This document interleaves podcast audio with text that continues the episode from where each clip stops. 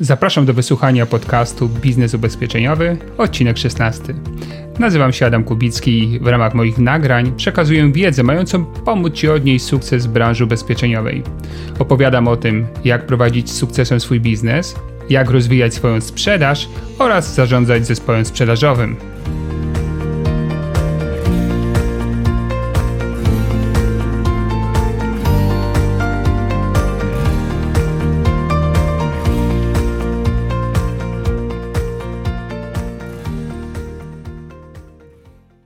Wyzwania, wyzwania, wyzwania. Z tego składa się życie i biznes.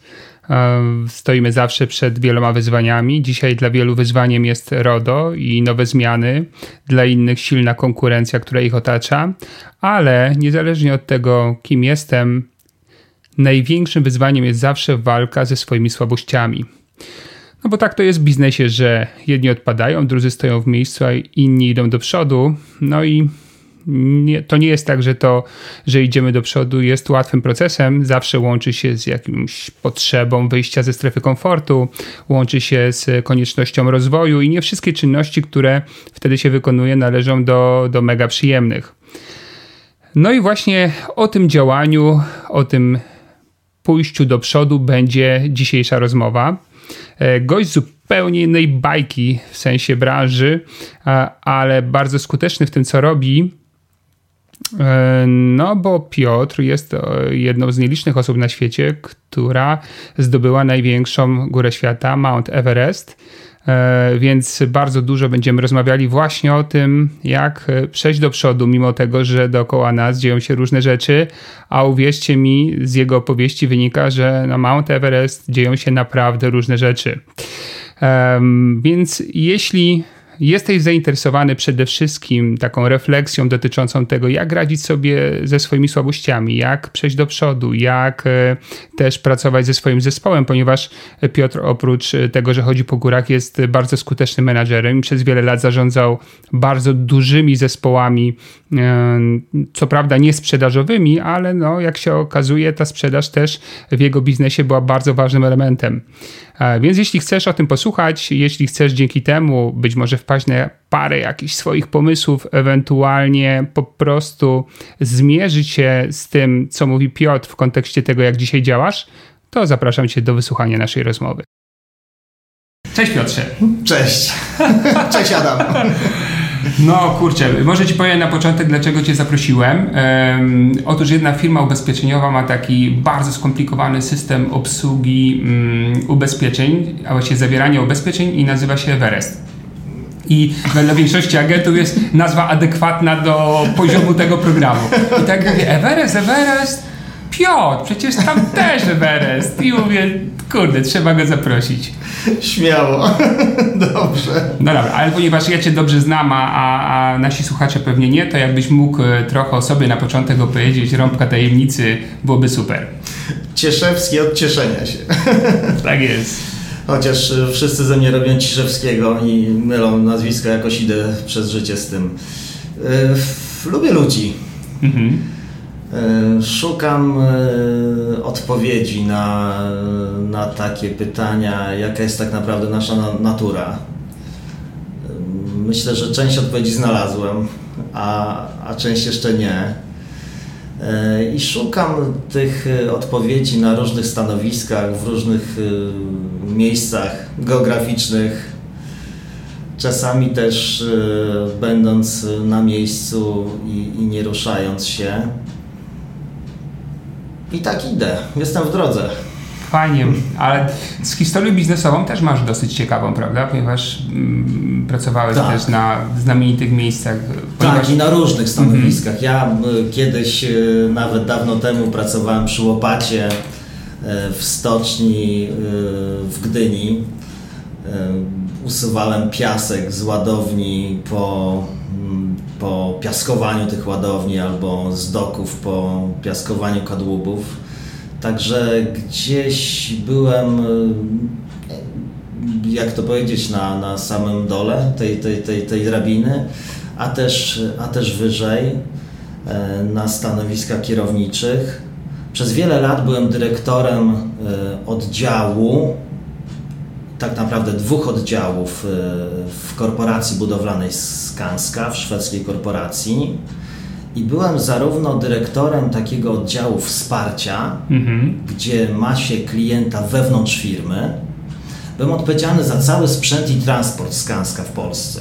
Miałem 600 pracowników i za pośrednictwem baz sprzętu w całym kraju dla moich wtedy szefów, czyli kierowników budów albo kierowników, menadżerów projektów, organizowałem cały sprzęt i transport na te budowy. I to jest e, inna trochę specyfika pracy, kiedy jest się takim wsparciem wewnątrz, w porównaniu do bycia już później dyrektorem oddziału, tak jak ja to mówię, na pierwszej linii frontu, kiedy trzeba pozyskać kontrakt, pozyskać zlecenie i je realizować. Tam e, wtedy byłem mm, dyrektorem oddziału budownictwa mm, drogowego, a później po jakichś tam przekształceniach dyrektorem oddziału budownictwa drogowo-mostowego w Warszawie i w jednym zdaniu byłem odpowiedzialny za pozyskiwanie i realizację kontraktów na budowę dróg i mostów. To jest takie jedno zdanie, za co Pan jest odpowiedzialny? Za, za pozyskanie i realizację kontraktu. A można to o tym napisać na pewno, na pewno książkę, ale w jednym zdaniu tak to wyglądało. I w tym drugim oddziale miałem 300 pracowników i razem w sumie zrealizowaliśmy 70 projektów, 70 e, budów od miliona aż do ponad 100. Największy kontrakt, jaki robiliśmy, to była obwodnica Serocka, jak się z Warszawy wyjeżdża na Mazury, to jest miejscowość Serocki, tam Jasne. były zawsze korki. I 7 km drogi ekspresowej, 7 obiektów mostowych to było 114 milionów. No to już jest duży kontrakt i, i dosyć skomplikowany. No jakoś to szło. To taką, taką misję miałeś, tak, dla społeczeństwa. Usprawniałeś nasze życie. No, w jakimś sensie firmie. tak, mhm. tak. I też to wpływa na bezpieczeństwo na pewno, na jakość życia. Na przykład mieszkańców Serowska, gdzie yy, tak naprawdę tam miasto wiecznego korka. Tak, pamiętam. Tak. Także to jakiś sens to oczywiście dawało. Ludzie w branży ubezpieczeniowej trochę tam narzekają na trudność tej branży, mm, ale tak jak się słucham, to pewnie gdyby trafili do branży budowlanej na jakiś czas, to mogliby z otwartymi takimi, wiesz, ramionami wrócić do ubezpieczeń i, i całować swoje biura, wiesz, że, że nie muszą się tym zajmować, bo to tak. chyba nie jest łatwy kawałek chleba. Ka każda, każda branża ma swoją specyfikę. My też ubezpieczaliśmy kontrakty. Mm -hmm. I też zdarzało się nam korzystać z pomocy mm, firm ubezpieczeniowych, kiedy na przykład nie, zalewało nam totalnie budowę i były jakieś y, opady zupełnie nieprzewidywalne i z jakimi wcześniej nie mieliśmy do czynienia. Także no, to, to, to, to te branże się tutaj jak najbardziej mm, współpracują. No każda ma swoje, swoje trudności. W branży budowlanej przede wszystkim problem teraz polega na tym, znaczy w ogóle zawsze, że cena jest stała. Wygrywa się kontrakt, najniższa cena tak naprawdę wygrywa, w przetargach publicznych i za tą cenę trzeba zrealizować kontrakt. Jeżeli to jest kontrakt duży, jak e, nie wiem, estakady bielańskie w Warszawie, jak się jedzie Wisłostradą w kierunku Łomianek, e, czy jakieś właśnie kawałek obwodnicy, czy drogi ekspresowej, no to to trwa dwa lata. No tak. I teraz, co się podzieje przez dwa lata? A cena stała. A cena, A stała. cena stała. A teraz ostatnio ceny rosną w górę idą w górę i nikt ci nie dołoży. No właśnie. Znowu dasz za wysoką cenę to przegrać. No tak, no tak. A może tak być, że wygra się przetarg, a potem się na tym straci finansowo? Tak, tak może absolutnie. się zdarzyć. To jest, to jest e, często. No, w takiej e, firmie, jak e, w której ja pracowałem, nie było, nie było tutaj luzu. Na każdym projekcie trzeba było zarobić na pojedynczych projektach gdzieś tam wychodziło zero. Mhm. Czasami jakaś, jakaś minimalna. Generalnie te, te, te, te zyski były, ale bo wygrać można każdy przetarg. Tylko kładziesz niską cenę, tylko później jest ból głowy, jak to, jak to zrealizować. No. To jest odpowiedzialne dosyć zadanie. 300 ludzi to zawsze trzeba na to patrzeć tak, że to nie jest 300 ludzi. Odpowiedzialność trzeba liczyć razy 3 żywiciel rodziny średnio to jest trzy osoby, także jeden pracownik to jest trzy osoby, także taka odpowiedzialność za tysiąc osób i, i e, no i trzeba, mm, trzeba być, trzeba być z tymi ludźmi. Trzeba pokazywać, że, że się jest, że się nie traktuje tej pracy na chwilę, bo to ludzie wyczuwają.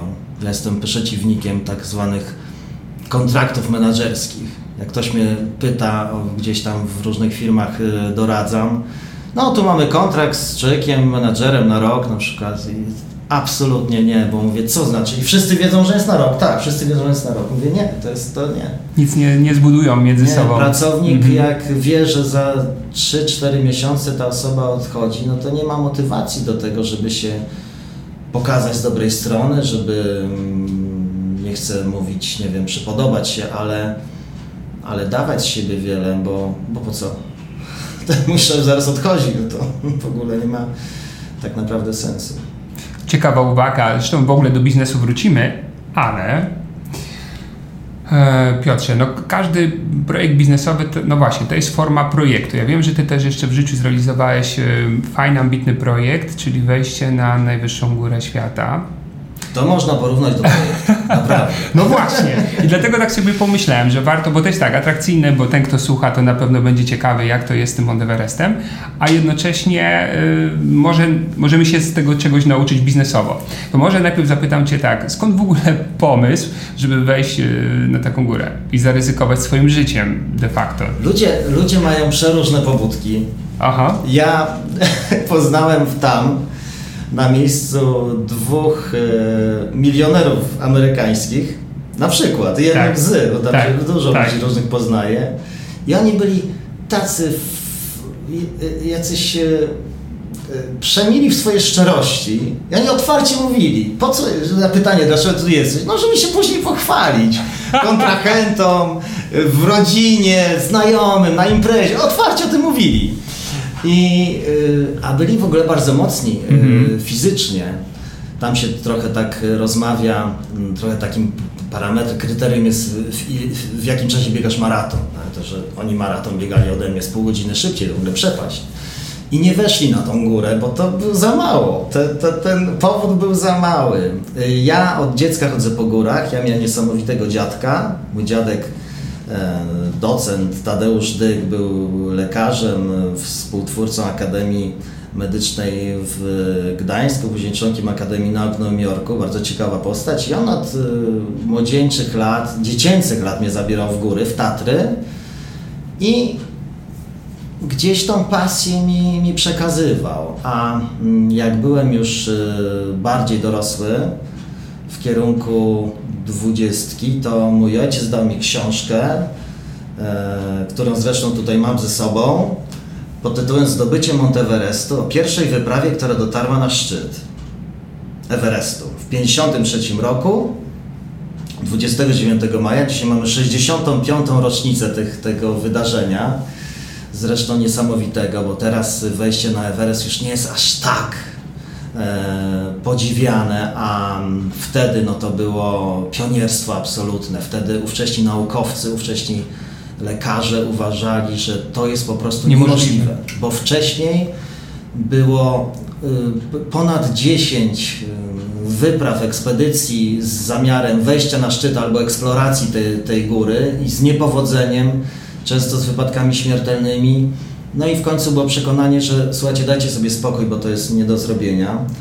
A ci ludzie, y, ci ludzie weszli. I tutaj taka może uwaga, uważajmy co dajemy dzieciom, jakie prezenty, bo mi ojciec dał tą książkę. I dzisiaj. I, i, I, ja dlatego pojechałem w 60. rocznicę zdobycia szczytu drogą tych pierwszych zdobywców od strony nepalskiej, drogą Edmunda Hilarego i Szerpy Y, no, miejscowego mm, Norgeja Tensinga. Szedłem na szczyt dokładnie tak jak oni i opisywałem, jak się ten nasz świat zmienił przez te 60 lat y, zdobywania tej góry, a no, zmienił się bardzo.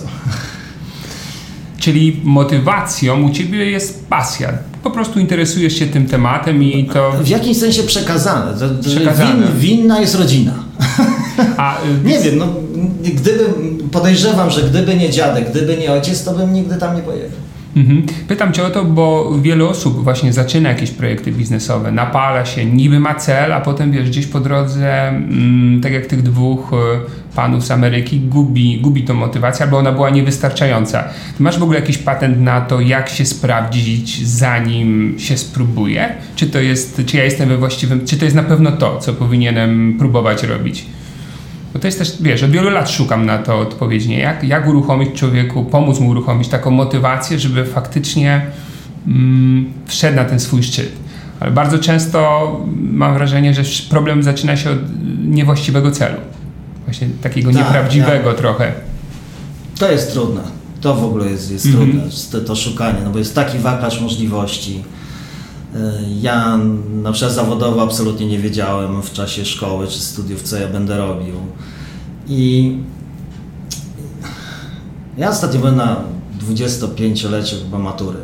I a propos tego, i tak. ja z chłopakami tam, że siadamy w jakimś pubie, ja mówię do chłopaków, mówię, słuchajcie, powiedzcie mi, jak to się stało, że ja byłem w matwizie, bo byliśmy w mat tak. matematyczno-fizycznej e, klasie powiedzcie mi, bo to, to jest niemożliwe. Mówię, jak to w ogóle... Ja, I mówię, co ty, nie wiesz? No mówię, nie wiem, no, nie pamiętam po prostu, jak to się stało, że ja poszedłem do matwizu. Oni do mnie, jak to jak? No bo my szliśmy, bo komple szli. I no i okej, okay. i ja sobie tak ostatnio tak sobie jakoś uświadomiłem i na sobie znalazłem taką metodę, która może zabrzmi trochę jakoś, jakoś y, śmiesznie, ale podejmując jakąś decyzję, żeby wstać i powiedzieć głośno, samemu do siebie, to może wyglądać śmiesznie, tak? Ale samemu do siebie powiedzieć, no nie, no, może zapisać, tak? Ale myślę, że powiedzenie bardziej, powiedzieć, dlaczego ja to robię. Bo gdybym ja wstał jako ten młody człowiek i powiedział sobie, że ja idę do matwizu, bo idą koledzy, to by to zabrzmiało tak kretyńsko, tak idiotycznie, że prawdopodobnie bym się opanował. Mhm. Albo idę do tej szkoły, bo mam najbliżej tramwajem. Albo idę tam się uczyć, bo tam jest ładny, odremontowany budynek. Albo idę tam, bo, bo, bo dziewczyna, która mi się podoba, y, tam poszła ja myślę, że jak sobie to powiemy, to może, może to nam pomoże. Także taka, taka trochę metoda. A ja bardziej jestem za, mm, za staraniem się robienia tego, w czym jesteśmy dobrzy, niż, y, niż ja, ja nie powiem niestety tego, że rób to, co kochasz, a będziesz szczęśliwy. Nie, nie powiem tego jako radę, bo, bo nas jest, nie wiem, 7 miliardów ludzi na świecie i to, to jest, moim zdaniem to jest niemożliwe, żeby każdy robił to, co kocha. No są różne, no nie wiem, no ktoś jest, no, nie chcę wyliczać teraz zawodów, ale jest ich przecież tysiące i e, bardziej, mm, bardziej bym szedł w kierunku to, w czym jestem lepszy.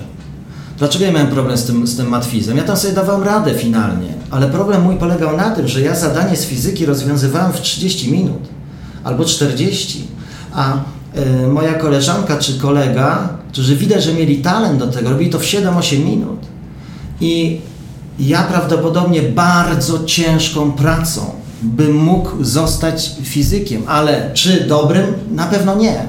W jakimś sensie pewnie sfrustrowanym. Może bym zszedł do, do 20 y, minut, ale bym nie zszedł do, do tych 7. Podejrzewam, że nie. I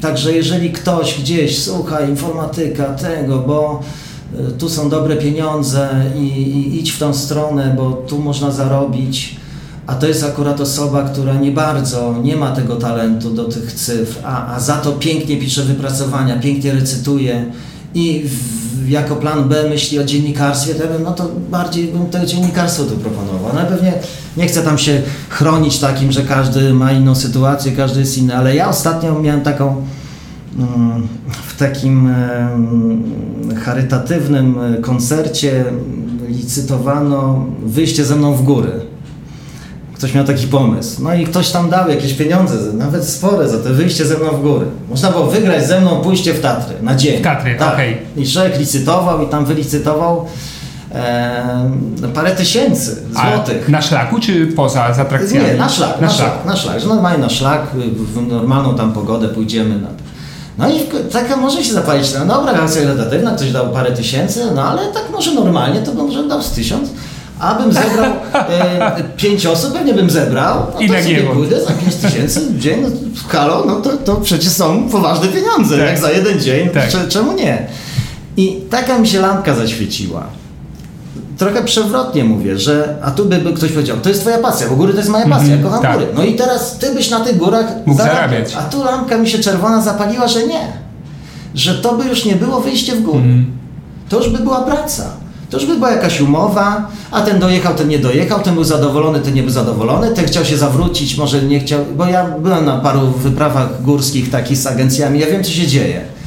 I nie zapłacił, część zapłacił, później ci dopłaci, później... E, I ja mówię, ja nie chcę iść w góry w ten sposób. No tak, pamiętasz ten film Everest niedawno wydany? Tak, to tak. przecież też były wyprawy komercyjne tak. i jak zaryzykowali w sumie ze względu na, na tą komercję, na ten wskaźnik sukcesu, ile, jaki procent ludzi wchodzi ze mną na Mount Everest, tak. nie? Bo to było pewnie, tak, bo ten marketing powodował, że przyciągasz klientów. Wspaniały film w ogóle, bardzo oddający realia po no w ogóle oddaje realia, bo to jest na faktach oparty film, ale w ogóle oddaje realia geograficzne. Byłem zupełnie zdziwiony, że pokazali drogę dokładnie, jak ona wygląda, a ich tam nie było. No tak. Nie, już Powiem Ci tak, oglądałem to w, e, w IMAXie w kinie. Byłem tak zmęczony tym filmem, ciśnienie miałem chyba 180 cały czas, Aha. na takim stresie funkcjonowałem. Dlatego ja... Ja się tak wkręciłem, ale moja żona, która myślała kiedyś o wejściu bardzo wysokie góry, po tym filmie mówi, że jednak fajne są te Tatry i, i to chyba tyle. Ja w ogóle uważam, że Tatry są najpiękniejsze na świecie. Piękne są, to Naprawdę. To fakt, to Mają to swoją różnorodność. W wysokich górach, jak się człowiek e, na przykład znajduje nagle w strefie lodu, czy tej wiecznego lodowca, to nie ma źdźbła trawy, nie ma jednego drzewa, nie ma żadnego życia, jest jak na Księżycu. A Tatry mają wiele takich miejsc, gdzie można stanąć i widzieć te piętra roślinne, tu lasy, tu kosodrzewiny, tu hale, tu skały, tu jezioro, tu rzeka płynie, czy tam strumyk. Mają to swoją różnorodność. W dużych górach tak nie jest. No tylko y, nie ma tego pół miliona turystów w dużych górach, tak? które się przewala po szlaku obok ciebie. Teraz też coraz więcej już ludzi w te Himalaje idzie. E, no tam człowiek y, poznaje na naturę swoją w przyspieszonym tempie, mm -hmm. w mhm. takiej pigułce. Wyprawa trwa dwa miesiące. I to jest najtrudniejszy czynnik. Taki, co jest najtrudniejsze w wyprawie na Monteverest? Ja bym powiedział, bo to trwa dwa miesiące. I e, dwa miesiące poza domem, w nie za niezbyt komfortowych warunkach. E, I im wyżej, tym mniej tlenu, im wyżej, tym niższe ciśnienie, im wyżej, tym zimniej. Im wyżej, tym jesteśmy dalej od bezpieczeństwa. Mhm. E, I to powoduje mm, huśtawkę, huśtawkę nastrojów, huśtawkę wiary w, w siebie, w swoje możliwości. To powoduje uczucia strachu. No właśnie, jak transformują się emocje podczas takiej e, wyprawy? Od, od, jakiego stanu się zaczyna i co się potem po drodze dzieje?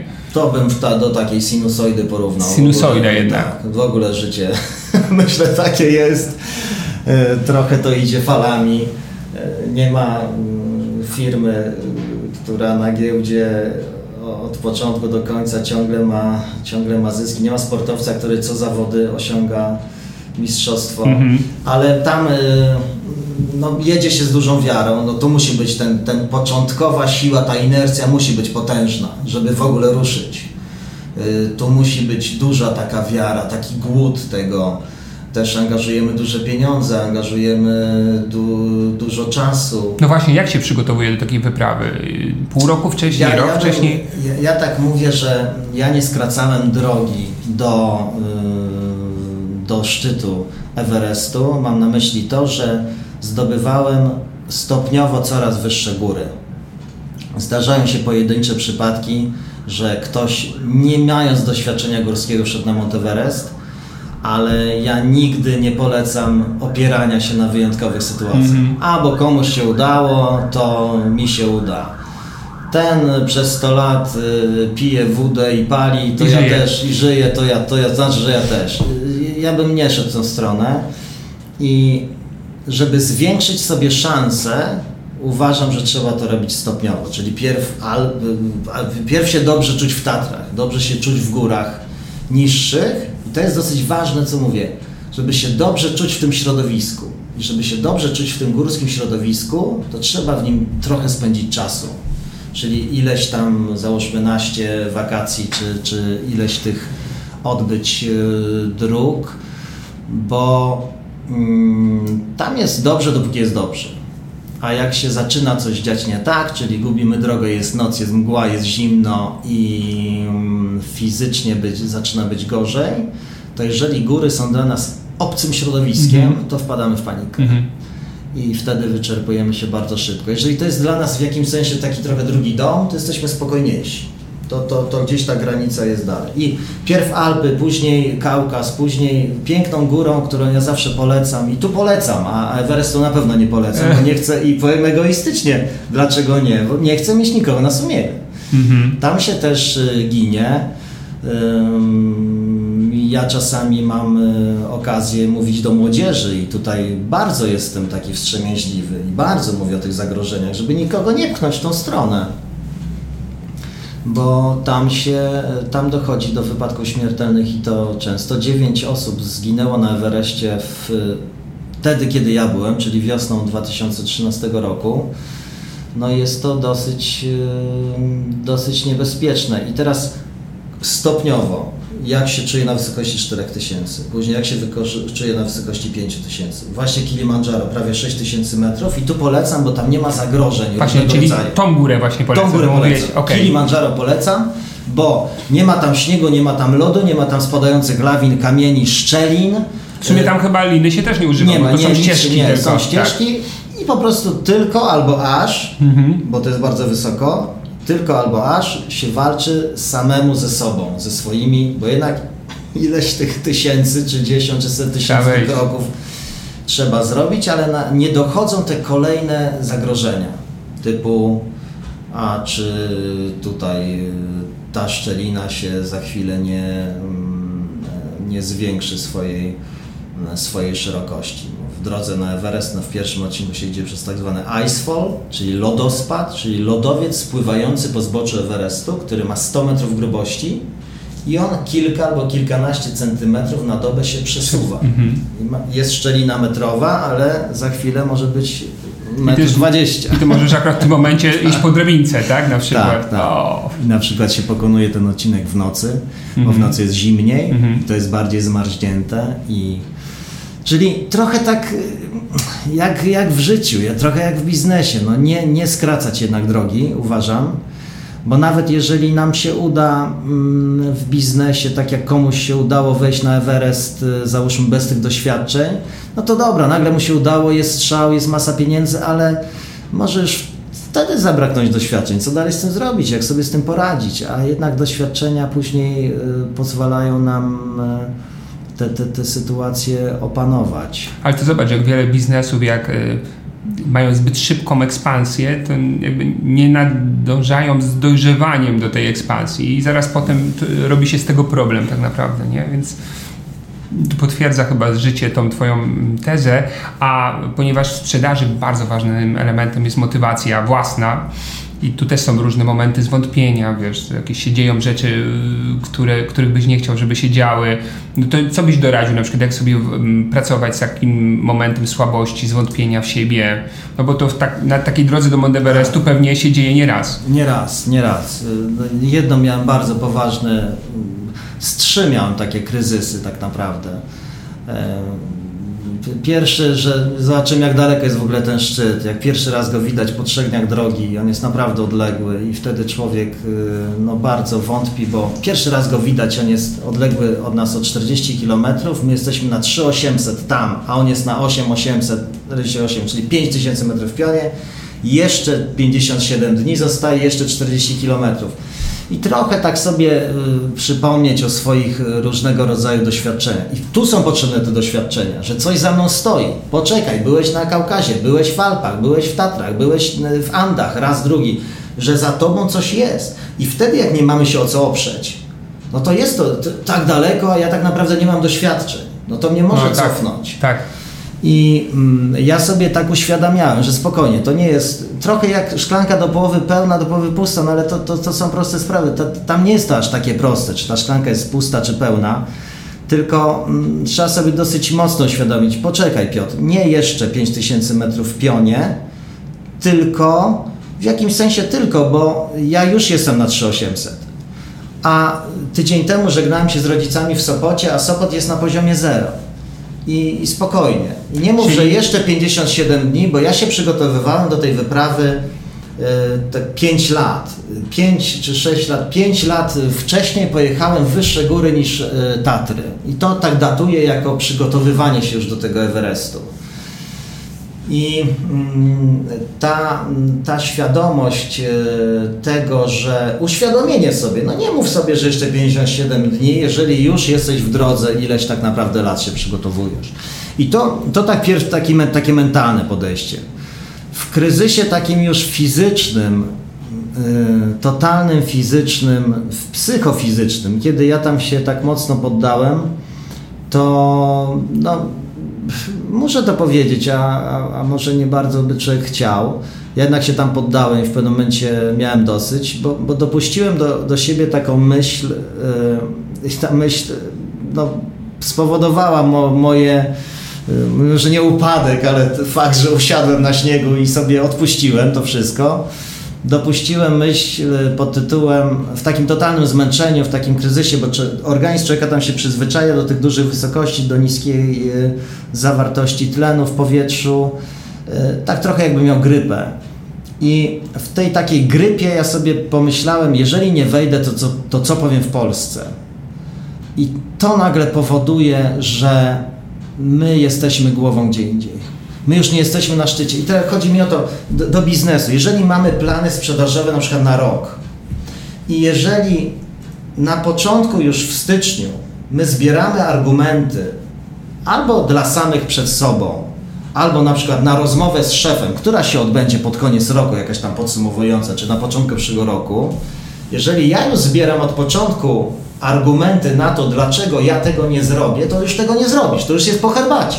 To już jest koniec, to już jest, to nie wiem, chyba jakiś, żeby jakiś, jakiś fuks. Czyli taka mała szczelinka wystarczy Tak. do zwątpienia i się poszerza już pewnie potem to coraz bardziej. Nie? Ja nie chcę też tutaj być przeciwko e, części y, słuchaczy, którzy mają swoje plany, bo ja jestem jak najbardziej z wami, bym powiedział i powiem to. E, I oczywiście, jeżeli mamy grudzień Tak. czy y, listopad i my widzimy, że tych planów jednak nie zrealizujemy, no to oczywiście wtedy warto pozbierać te argumenty, dlaczego to się nie udało e, na tą rozmowę z szefem albo e, samemu ze sobą. Ale jeżeli my od lutego zbieramy te argumenty, to już jest po herbacie, to już w ogóle jest. I to ja nagle sobie myślę, nie widzę siebie na szczycie, tylko na lotnisku Okęcie w Warszawie, tłumaczącego się, dlaczego nie wszedłem. Było dosyć duże zainteresowanie moją wyprawą, bo ja jechałem w 60. rocznicę zdobycia szczytu i media to podnosiły. Y, Jestem od lat zaangażowany w y, akcję charytatywną Szlachetna Paczka i wnosiłem flagę Szlachetnej Paczki na szczyt.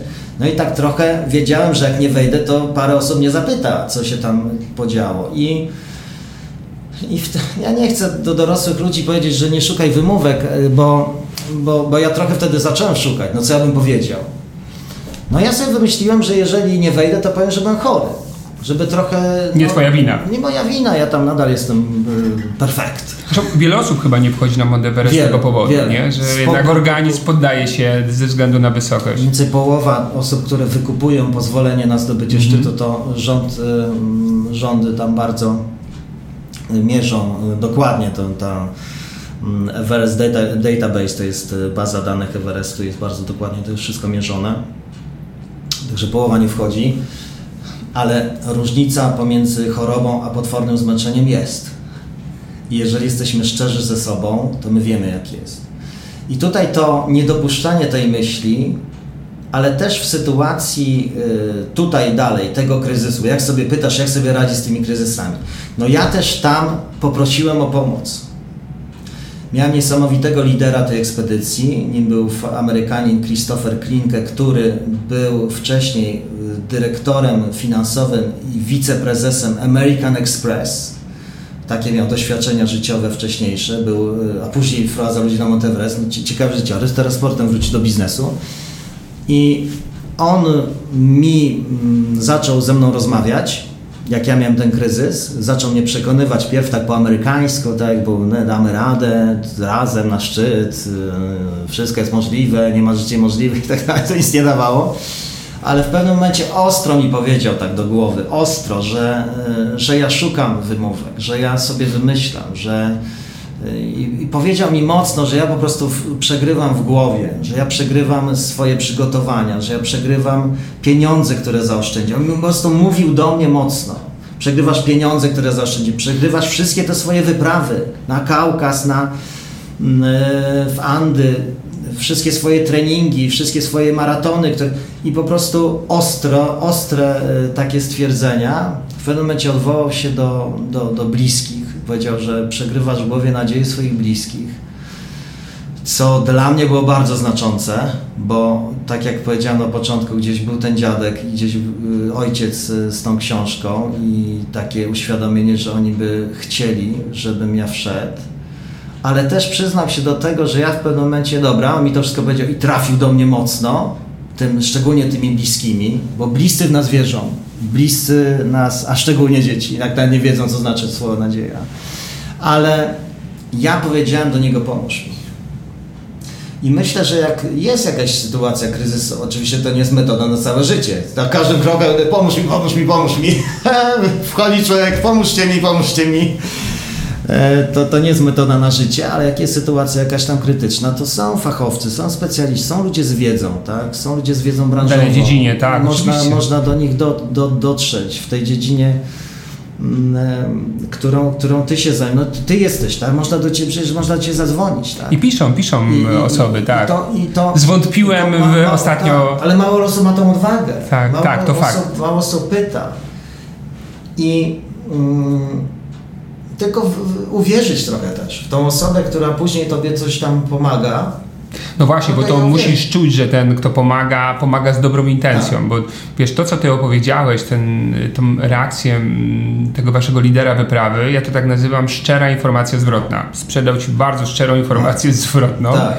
A, I w, w ogóle jestem zwolennikiem takiej metody prowokatywnej pracy trochę z ludźmi. Mhm. Prowokatywnej w tym sensie, że trzeba potrząsnąć czasami człowiekiem, ale on musi czuć, że za tym idzie dobra, dobra wola osoby, która trzęsie, nie? I to jest ważne, że często ludzie tak mało szczerze gadają, gładko, albo ta motywacja jest taka miękka, wiesz, spoko, dasz radę, a tu właśnie trzeba powiedzieć w drugą stronę tak, czasami, tu mamy, nie? Tu mamy dodatkową taką, taką postawę, postawę lidera. Ja się zajmuję przywództwem na uczelni Łazarskiego, prowadzę zajęcia z, z tego, jak pracować z ludźmi tak naprawdę, żeby wszyscy byli zadowoleni i też prowadzę te zajęcia w firmach i co tutaj jest znaczące w tej, dlaczego ten lider? Bo ktoś może powiedzieć, ty poczekaj, ty mówisz o nim jako o dobrym liderze? Jaką taką dętkę jak ty chciał ciągnąć dalej wyżej? Przecież to było na wysokości 6300 ten mój kryzys, a od 7,5 się zaczyna strefa śmierci. On chciał takiego wykończonego człowieka prowadzić w miejsca, gdzie tak naprawdę mogło dojść do, do jakiejś tragedii włącznie, a ja powiem tak, to był dobry lider i teraz dlaczego? Bo on był e, ze mną blisko, w tym sensie, że dużo ze mną rozmawiał, dużo ze mną spędzał czasu na indywidualnych rozmowach i on wiedział, to jest ważne teraz, on wiedział, że jestem gotowy. Mhm. Wierzył w ciebie bardziej niż ty w siebie. Tak, ale, ale miał, miał dane. Tak. Y, w jakich górach byłem, tak. w jakie biegałem tam, y, w jakie odległości, że kurs spinaczki tam skalnej, kurs taternicki, jakiś kurs lawinowy, i, bo teraz jeżeli mamy pracownika i on nam mówi, że on czegoś nie, on, on już nie da rady, tak? a my mamy o nim tylko informacje z CV, no to my nie wiemy o nim nic. I w jakimś sensie tak naprawdę jesteśmy bezradni. No bo, a, mo, a może nie da rady. Nie? A może on ma rację, może, może nie ma zasobów. A może, da tak? a może i teraz y, ja, broń Boże, tutaj nie skłaniam w kierunku jakiejś inwigilacji. To nie o to chodzi. Czasami pracownik nie chce nam nic o sobie powiedzieć, nikt nie mówi to, to jest jego, ale w większości przypadków pójdziemy na kawę, coś się tam dowiemy. Yy, jak to jest, jakie ma doświadczenia, yy, jakie ma przeżycia, jakie w życiu odniósł różnego rodzaju czy porażki i nabieramy jakiegoś, jakiejś wiedzy i w pewnym momencie to jest ważne, bo my wiemy, czy nacisnąć i na zasadzie, słuchaj, ja w Ciebie wierzę, Ty na 100% nasz radę, tylko to jest moment jakiejś kryzysu i, i, i, i słuchaj, idziemy do przodu, a może trzeba odpuścić, bo, bo czasami trzeba odpuścić y, ludziom. Także to taka druga, to nie dopuszczać do tej myśli, przynajmniej na początku drogi, że się, że się nie uda, e, myśleć o, o pomocy, mm, bo ona jest i czasami może być taka czarna dziura coś się wydarzyło, jakaś jest sytuacja kryzysowa, jest taka jak noc. Ja, ja w ogóle nie wiem. To ja mam, ja, ja polecam, weź telefon i zobacz, kogo masz w kontaktach na A. Okay. Na. I na zasadzie, czy ta, ta osoba kolejne, kolejne może mi w tej sytuacji pomóc? Bo czasami nie, nie, nie jesteśmy w stanie sobie pomyśleć, że to ta osoba by mogła nam w jakimś sensie pomóc. No nikt na A, to kogo masz na B. I, i lecę dalej. E, musi ktoś być, ale trochę szeroko. Może kto jest jego bratem, kto w jakiej firmie pracuje, kogoś może znać e, i żeby w ten sposób patrzeć. Natomiast tam bardzo wysoko doszedł e, strach. Doszedł strach o życie. Na przełęczy południowej to jest ostatni obóz, obóz na wysokości dokładnie 7930 metrów, 8000 metrów i z tego ostatniego obozu się startuje na szczyt. I w, my docieramy do tego obozu i e, tam, tam jest tak, ten, ten taki atak szczytowy. Po wielu tygodniach przygotowań, przygotowywania swojego organizmu wchodzimy na 5000, schodzimy na 6000, schodzimy na 7000, schodzimy. Dajemy takie impulsy organizmowi, żeby więcej krwinek czerwonych wyprodukował, bo te krwinki transportują tlen i finalnie jesteśmy po prostu, no, jesteśmy w stanie na tych dużych wysokościach y, przebywać. Nie ma takiej osoby, która z dołu na górę by mogła wejść na Everest. Wtedy to by trwało kilka dni. Taka osoba się, nie ma takiej osoby. Musi się przyzwyczajać organizm do tych dużych wysokości. I dochodzi się do tych 8000 metrów, i cały plan ataku na szczyt wygląda tak, ze względu na to, że to jest strefa śmieci, tam trzeba przebywać bardzo krótko. Tego samego dnia, którego się dochodzi około 12 w południe na, do tego obozu, wieczorem się rusza na szczyt. Ale wiesz, podoba mi się to, co mówisz. Ja jestem zwolennikiem dbania o szczegóły i dobrego planowania i przygotowywania projektów. Bardzo często ludzie tak idą na, wiesz, y, jest jakiś pomysł, dobra, fak, szybko go i potem tak wywraca się, no bo tych szczegóły brak, brakło dobrych szczegółów, no dobra, to teraz inny pomysł. Nie? I mhm. jakby są w wiecznym szukaniu, że nie wyszło mhm. dlatego, bo nie przygotowałem się, tylko nie wyszło, bo pomysł był zły i teraz jest kolejny pomysł, nie? A to nie tędy droga generalnie, pomysł nie? Mógł być dobry. Pomysł mógł być dobry. Tak, a zabrakło... Ja to nazywam takim syndrom nieprzeczytanej książki. Te niedokończone sprawy. Załóżmy, że nie wiem, myślę, że słuchacze, ktoś miał sytuację na 100%, mhm. że, że ma na półce przy łóżku na, na szafce nie, w połowie przeczytaną książkę, tak? I ona tam leży. I teraz, y, no oczywiście są ludzie, którzy czytają jedną książkę dziennie, ale y, ja na przykład nie. Ale i chodzi mi o to, ktoś do mnie nagle podchodzi i mówi, słuchaj, Piotr, mam dla Ciebie fajną książkę, z Twoimi zainteresowaniami, z Twoimi doświadczeniami, a ja nagle, Ty, to jest super książka, ja właśnie chciałem sobie kupić, chciałem ją przeczytać. I nagle co się dzieje? Ale, ale ja mam przy łóżku niedokończoną książkę. I teraz tak, to co, tą nową zacznę czytać, tamtej nie skończyłem i taki będę cały... Yy, I, i okej, okay, i teraz podjąć decyzję, skończyć tamtą, albo może to jest hała. Y, to jest i zdecydować, to jest hała. Nie podoba mi się, I nie, nie czytam jej, nie kończę, ale zanoszę po przekątnej mieszkania może nawet, tak. gdzieś na ostatnią półkę, żeby zamknąć temat, żeby ona nie leżała na tej, tak, tak, tak, tej szafce. Tak. No. przypomniało mi się, że u mnie faktycznie książki są w kolejce, czekają, ale kiedyś czytałem kilka naraz, a mhm. teraz już być może też doświadczenie życiowe to spowodowało. A chciałem wyciągnąć od Ciebie jeszcze jedną, myślę, że cenną informację, bo pracowałeś wiele lat w korporacjach, teraz jesteś niezależnym doradcą, szkolisz Szkoda, ludzi, tak, tak mhm. doradzasz, czyli duża zmiana, wyjście z etatu po wielu latach na, na własny biznes. E, to tak, po pierwsze, skąd taka decyzja? Po drugie, czy to było trudne? Po trzecie, jak sobie z tym poradziłeś, żeby taką decyzję podjąć? Żeby sobie, wiesz, tak poradzić z tym pewnie wieloletnim poczuciem bezpieczeństwa i stabilizacji, którą się ma na tak. etacie. Skąd taka decyzja? Bo nagle, tak, tak, człowiek pracuje ponad 10 lat w korporacji i tak, tu bym e, dwa e, dawał e, takie powody.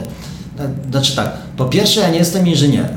Mhm. Ja, ja, jestem ekonomistą, jestem po ekonomii. Gdybym był inżynierem, który studiował, zawsze chciał budować mosty, czy ja bym absolutnie z tej firmy nie chciał odchodzić, bo to jest, jest dobra firma i w niej się można by zawodowo a z racji tego, że mm, no, ekonomia pozwala w różne branże wchodzić, to gdzieś taka ciekawość była nagle, no może nie tylko to. E, druga rzecz to ja w tej firmie byłem szkolony. Mhm. Miałem szereg miękkich szkoleń. E, no oprócz takich twardych też miękkich, tam z jakieś prowadzenie negocjacji, z e, rozwiązywanie konfliktów, jakiś tam coaching menedżerski, zarządzanie zespołem, jakieś tam coś, zarządzanie przez cele, no szereg szkoleń. E, I to były takie profesjonalne szkolenia, często parodniowe. I tu może powiem nieskromnie, ale uważam, że czasami człowiek w ogóle trzeba się chwalić. Trzeba się chwalić, bo, bo rzadko nas chwalą. czasem, czasem się sami pochwalmy. I o tyle się pochwalę, że y, czasami w trakcie tych szkoleń y, miałem takie wrażenie, a nawet przeświadczenie, że ja mógłbym to robić. Ci trenerzy przyjeżdżali i nas szkolili, ja tak sobie patrzę, ja mógłbym to robić. I ta nieskromność w tym momencie, to, to co chciałem powiedzieć nieskromnego, że y, czasami przy niektórych szkoleniach miałem taką wręcz pewność, że ja bym to zrobił lepiej. Mhm ja bym to zrobił lepiej. I to gdzieś dawało taką, taką furtkę, mm, takie, no, że Czyli znowu pojawiła się szczelina tak, i taki tak, nowy, nowy sposób myślenia tak. pojawił się, ale to musiało, wiesz, trafić na podatny grunt, czyli jakiś, wiesz, na jakieś już, nie wiem, zmęczenie tym, co się dzieje dookoła, wiesz, na, jakimś na stylem pewno, pracy. Na, na pewno. No byłeś pod dużym obciążeniem pewnie pracowałeś w tym, w spółce, no, tak? To, to budowlanej, to co opowiadałeś. No tam jest człowiek ciągle porównywany, tak? w każdym mhm. aspekcie. Mhm. 20 oddziałów w firmie i każdy, jesteś dyrektorem oddziału i każdy jest porównywany. Sprzedaż, zysk, BHP, dobrowolne odejścia z firmy, no, no, no szereg, tak? I ciągle człowiek jest, jest pod to, ale to, to ja sobie, ja sobie gdzieś, gdzieś dawałem, ale jest to trudna decyzja i ja nie zawsze bym to, to polecał. Jeżeli ktoś, tak, możemy może ktoś nas słucha, kto ma na przykład dosyć. No właśnie, jakie, no, właśnie. no jakie rady byś dał takiej osobie? Mówi, kurde, jak ja tego nie lubię, co robię. Ja bym, e, ja bym pierw e, coś, coś tak poradził, żeby e, poza pracą coś sobie może poszukać. No, jeżeli rozmawiamy o osobie, która już robi masę poza pracą rzeczy i nadal jest w tej, w tej robocie, nie, nie, nie, ale załóżmy, że jest osoba, która jeszcze może coś spróbować, tak?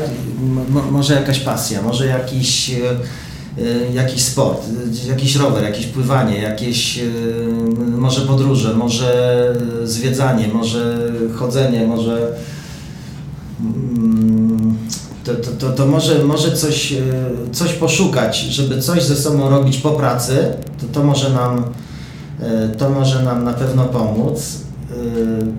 To może być na przykład jakaś fundacja, jakaś akcja charytatywna. Mhm. To może bardzo zmienić życie. Ja się przekonałem, y, mnie żona wciągnęła w, w szlachetną paczkę. Tak. Ja w ogóle wcześniej gdzie tam w korporacji, zarobiony tam, ja nie, jaki czasu, nie? I nagle żona sobie, robimy, robimy paczkę. A ja mówię, co, ale kto? I ona tak, myślę, najlepiej w ogóle kogoś wciągać w takie, w takie działania, bo ona tam robi, nie, nie ma co rozmawiać w ogóle. Ale ja, ja, jak to, dla kogo, jaka sytuacja, o co chodzi w ogóle, co, dlaczego i tak Nie robimy, zostaw. E, pomaganie bardzo nam może pomóc, bo mm, pomaganie jest, e, nadaje, nadaje, nadaje sensu. To tak wzmacnia nas bardzo, daje takiej energii to powoduje, że my się bardziej ogarniamy, bardziej się dbamy o siebie i mm, jesteśmy bardziej efektywni, bo dzięki nam ktoś tam ma, e, ma łatwiej. E, I teraz, a jeżeli nadal jest źle, tak, ja zrobię, zrobiłem, zaczęłam tam jeździć, latać balonem, założyłam fundację, czy założyłem i nadal jest źle, to, to nadal może tak być, że ktoś nas tej pracy może gdzieś nie zauważy. Może mamy wizję, mm, chęć na przykład na awans, a on nie przychodzi, to żeby, ja, ja bym tak, może nie tyle no, ciężko tu jest doradzać, no bo nie znam, czy każda sytuacja jest inna, będzie, tak, ale jednak, tak. no dobra, jakbyś tam, dobra, ale załóżmy, mam pistolet przy głowie, mów, mów, mów co myślisz, bo to by można przy każdym pytaniu się zasłonić, a wiesz, tu zależy, tu tego, to. ale mm, ja bym trochę sobie y, dał jakiś punkt w czasie, na przykład, yy, jest źle, jest nieba, na przykład chciałem awansować, chciałem, żeby coś się zmieniło, może chciałem więcej zarabiać, może, może te cele nie do końca realizuję, ale na przykład sobie ustawić punkt, że daję z siebie na maksa pół roku. W tym, co robię. W tym, co robię. Maksa daję. Albo, albo rok, albo nie wiem, 8 miesięcy, no, jakiś tam, mhm. ale nie dwa dni, tak? Wystaw, wyznaczam sobie jakiś cel, że przez najbliższe pół roku daję ognia, daję ostro, tak? I jeżeli się nie zmieni moja sytuacja, jeżeli nikt tego nie zauważy, w tej chwili wtedy pracuję, e, no to wtedy się zacząć rozglądać. Tak? Ale trochę, żeby być takim fair ze, ze sobą, trochę też fair z, z pracodawcą. A nie, nie, nie, a myślałem, że będę awansował, awansowali kogoś innego. Bo tu czasem jest tak, że to mogą być powody. Chyba, że pracujemy w, w, w, miejscu, gdzie jest bardzo jakoś tak nieciekawe są sytuacje, jakiś totalny nepotyzm, gdzie awansowany czy premiowany jest zawsze e, syn prezesa czy jego córka, no to od razu uciekać. Wiesz co, to bardzo... Przepraszam, ale... Chyba, że jesteś tym synem, albo smolisz cholewki do córki. A wiesz co, to fajne to, co powiedziałeś, bo zobacz, jeżeli ja powiem sobie tak, dobra, nie idzie mi na przykład sprzedaży ubezpieczeń, coś tam rynek, tam zasłaniam się firmą, słabe produkty, ale mówię, dobra, dam z siebie przez... Yy, trzy miesiące wszystko, jeżeli nic się nie poprawi, rezygnuję. I to zrobisz, no to już wtedy jest, przynajmniej z tą decyzją czujesz się dobrze, ale jeżeli lipa była po twojej stronie, bo jest takie prawdopodobieństwo e, i poszedłbyś gdzie indziej, no to cały czas lipa za tobą lezie i w tym drugim znowu byłaby lipa i cały czas była, byłby eksport problemu na zewnątrz, nie? Ale to jest fajny, świetny pomysł. Dobra, od dzisiaj przez trzy miesiące na maksa jadę, nie? Nie ma wymówek, robię wszystko, co powinienem i sprawdźmy, e, czy to działa pewnie w większości przypadków zaczęłoby działać, podejrzewam. Ja, ja to tak sobie, y, taki sposób sobie na to znalazłem, bo niestety spotykam y, czasami osoby, które mówią, no wie, no to już jestem, wiesz, 17 lat. No, tak. Ale wiesz, no teraz to już mam 54, no wiesz, już nie za bardzo, nie? Na jakie zmiany, no już żeby nie doprowadzić do takiej sytuacji. Bo, do, bo faktycznie może, no tam oczywiście nigdy nie jest za późno, no ale czasami jest trudniej. Tak? Mhm, no, zdecydowanie. Na, na, na, rynku pracy może być y, trudniej, no patrzmy realnie, tak? Jak ktoś ma 60 lat, to może mieć trudniej y, do, do tego, że niż w porównaniu z osobą 30-letnią, ale i wtedy, wtedy wcześniej. Natomiast tutaj też, tak jak jesteśmy już y, osobami, osobami starszymi, to no i to może nie być już taka, taki wiek na wybieranie się na Monteverest czy, czy robienie nie, nie, niesamowitych rzeczy, um, ale zawsze może być przyczyną. Może być przyczyną dla kogoś. Ja, um, no, moim ważnym takim wydarzeniem w życiu był fakt, że jak miałem 5 lat, to mój dziadek mnie zabrał w, drugą, w długą trasę w góry.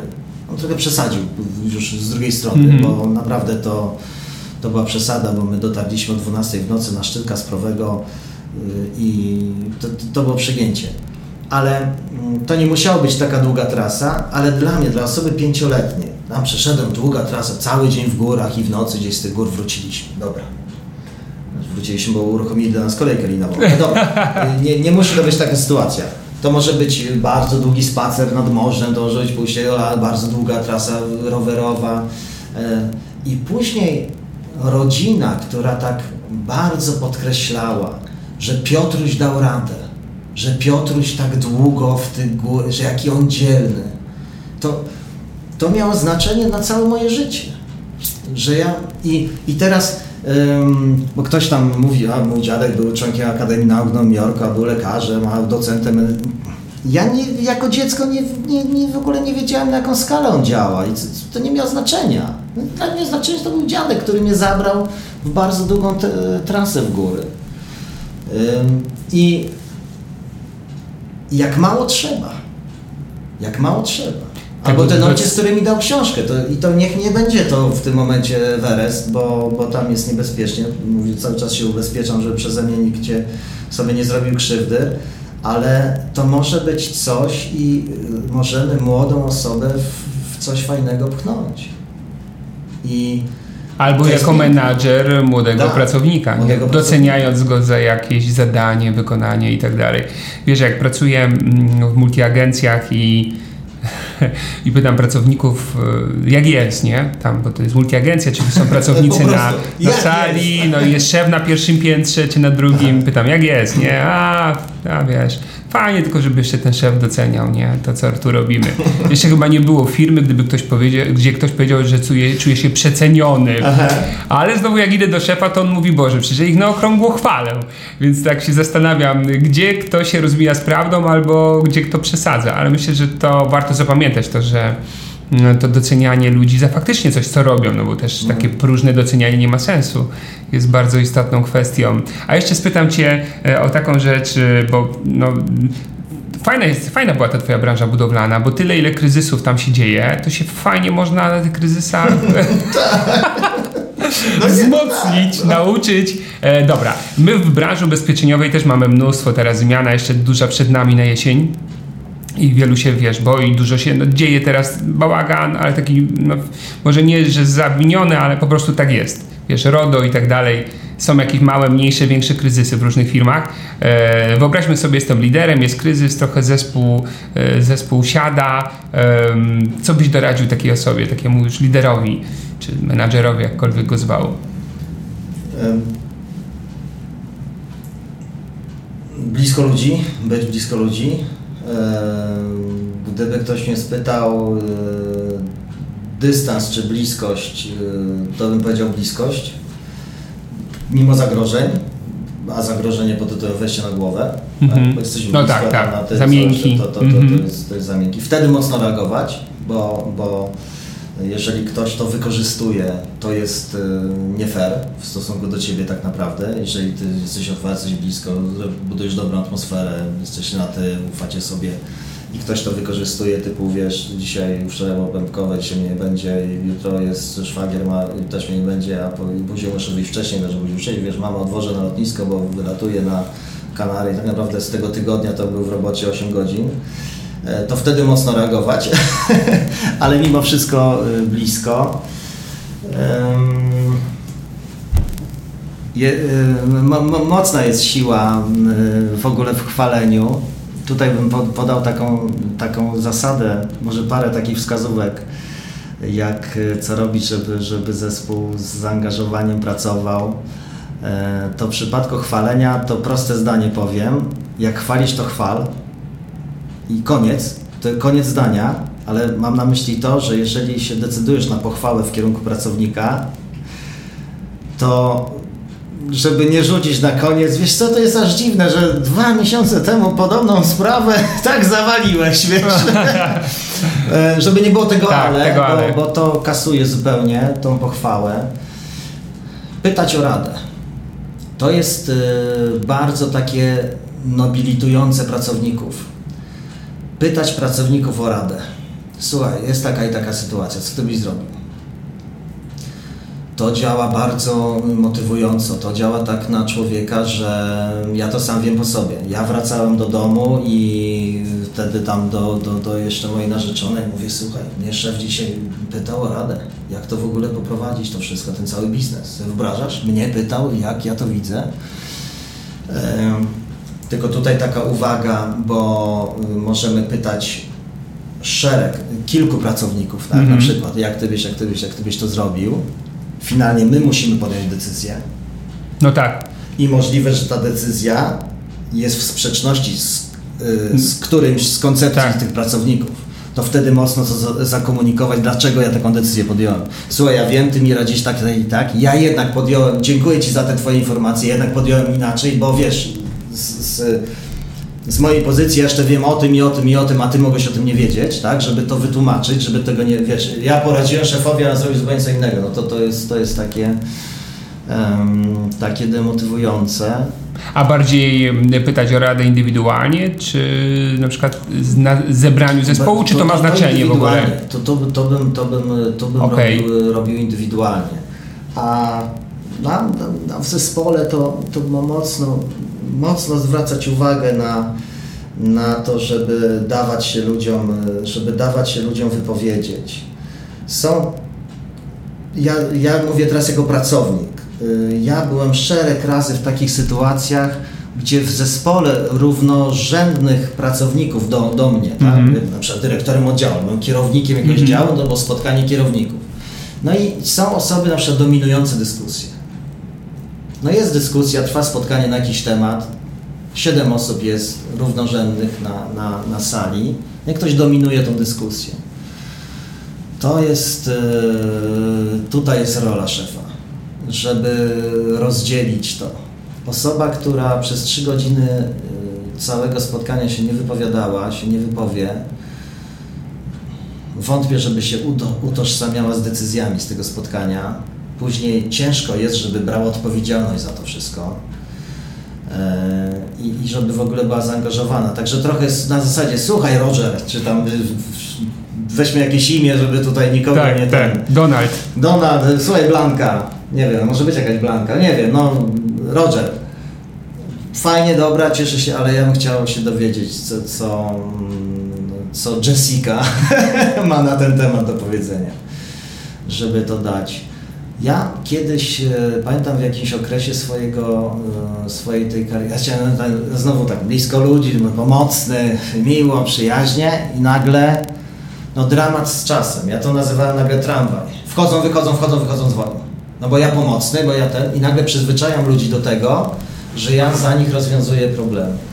To bym jako taką mocną y, rekomendację dał, żeby za każdym razem, jeżeli jest taka oczywiście sytuacja, jeżeli doprowadziliśmy do takiej sytuacji, że ludzie ze wszystkim do nas przychodzą, żeby z tej sytuacji wyjść, za każdym razem pytać, jakie są Twoje pomysły.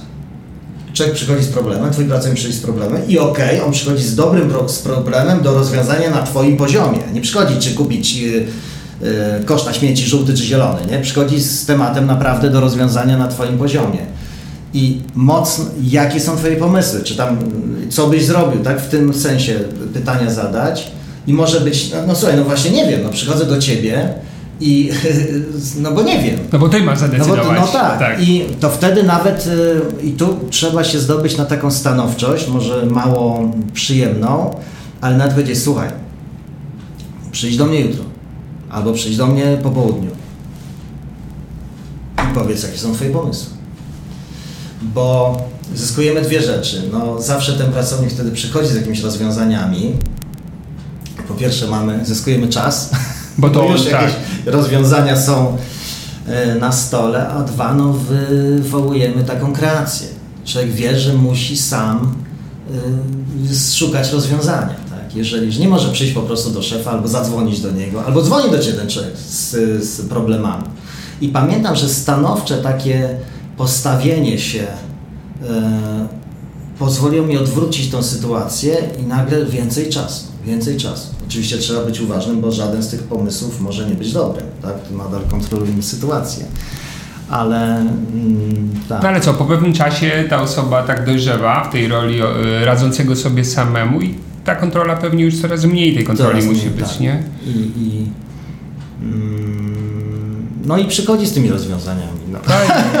No i kurczę, i najcenniejsza rada wypowiedziana de facto. Jakie są twoje pomysły? Zobacz, też cię o to dzisiaj zapytałem. Zamiast sadzić no. własne. Okej. Okay. No tak. Okej, okay, Piotrze, no dobrze, bardzo Ci dziękuję za tą rozmowę. Kurczę, ja bym tutaj jeszcze posiedział z parę godzin, ale pewnie już większość, y, jak będą słuchali, dojedzie do domu i teraz pewnie siedzą przed, y, w garażu i zamiast wejść na kolację, to nas słuchają. Oby ja tak trzymam, było. Ja Oby tak było. Za, Oby tak było. Za wszystkich słuchaczy i, i wasi bliscy też trzymają kciuki za was. No, pamiętajcie też o tym. Dziękujemy wam z Piotrem, że byliście z nami. Wszystkiego dobrego i do usłyszenia. Dziękuję. Może ze względu, że Piotr jest z innej branży, była to jedna z najfajniejszych rozmów, które nagrałem. Bawiłem się setnie. Piotr ma bardzo dużo dobrego humoru w sobie, ale też myślę, że podzielił się z nami fajnymi wskazówkami i że zarówno ty, jak i ja zapamiętamy jego rady dotyczące hartu ducha, motywacji, wartości, które są w życiu ważne i tego, jak e, pracować, czy właściwie budować ducha zespołu i rozwiązywać problemy wraz e, z ludźmi, a nie samotnie gdzieś w kanciapie czy zamkniętym w swoim małym biurze. No dobrze, w takim razie na e, tą chwilę to chyba wszystko, czym chciałem się podzielić. E, przy następnym podcaście będzie wywiad z osobą, która znowu jest liderem sprzedaży w branży ubezpieczeniowej. Będzie to wywiad pełen dużej ilości wskazówek i konkretnych narzędzi do tego, aby skutecznie pracować z klientem. A na razie to tyle. Dziękuję Ci za wysłuchanie naszej naprawdę długiej rozmowy. Wszystkiego dobrego i do usłyszenia.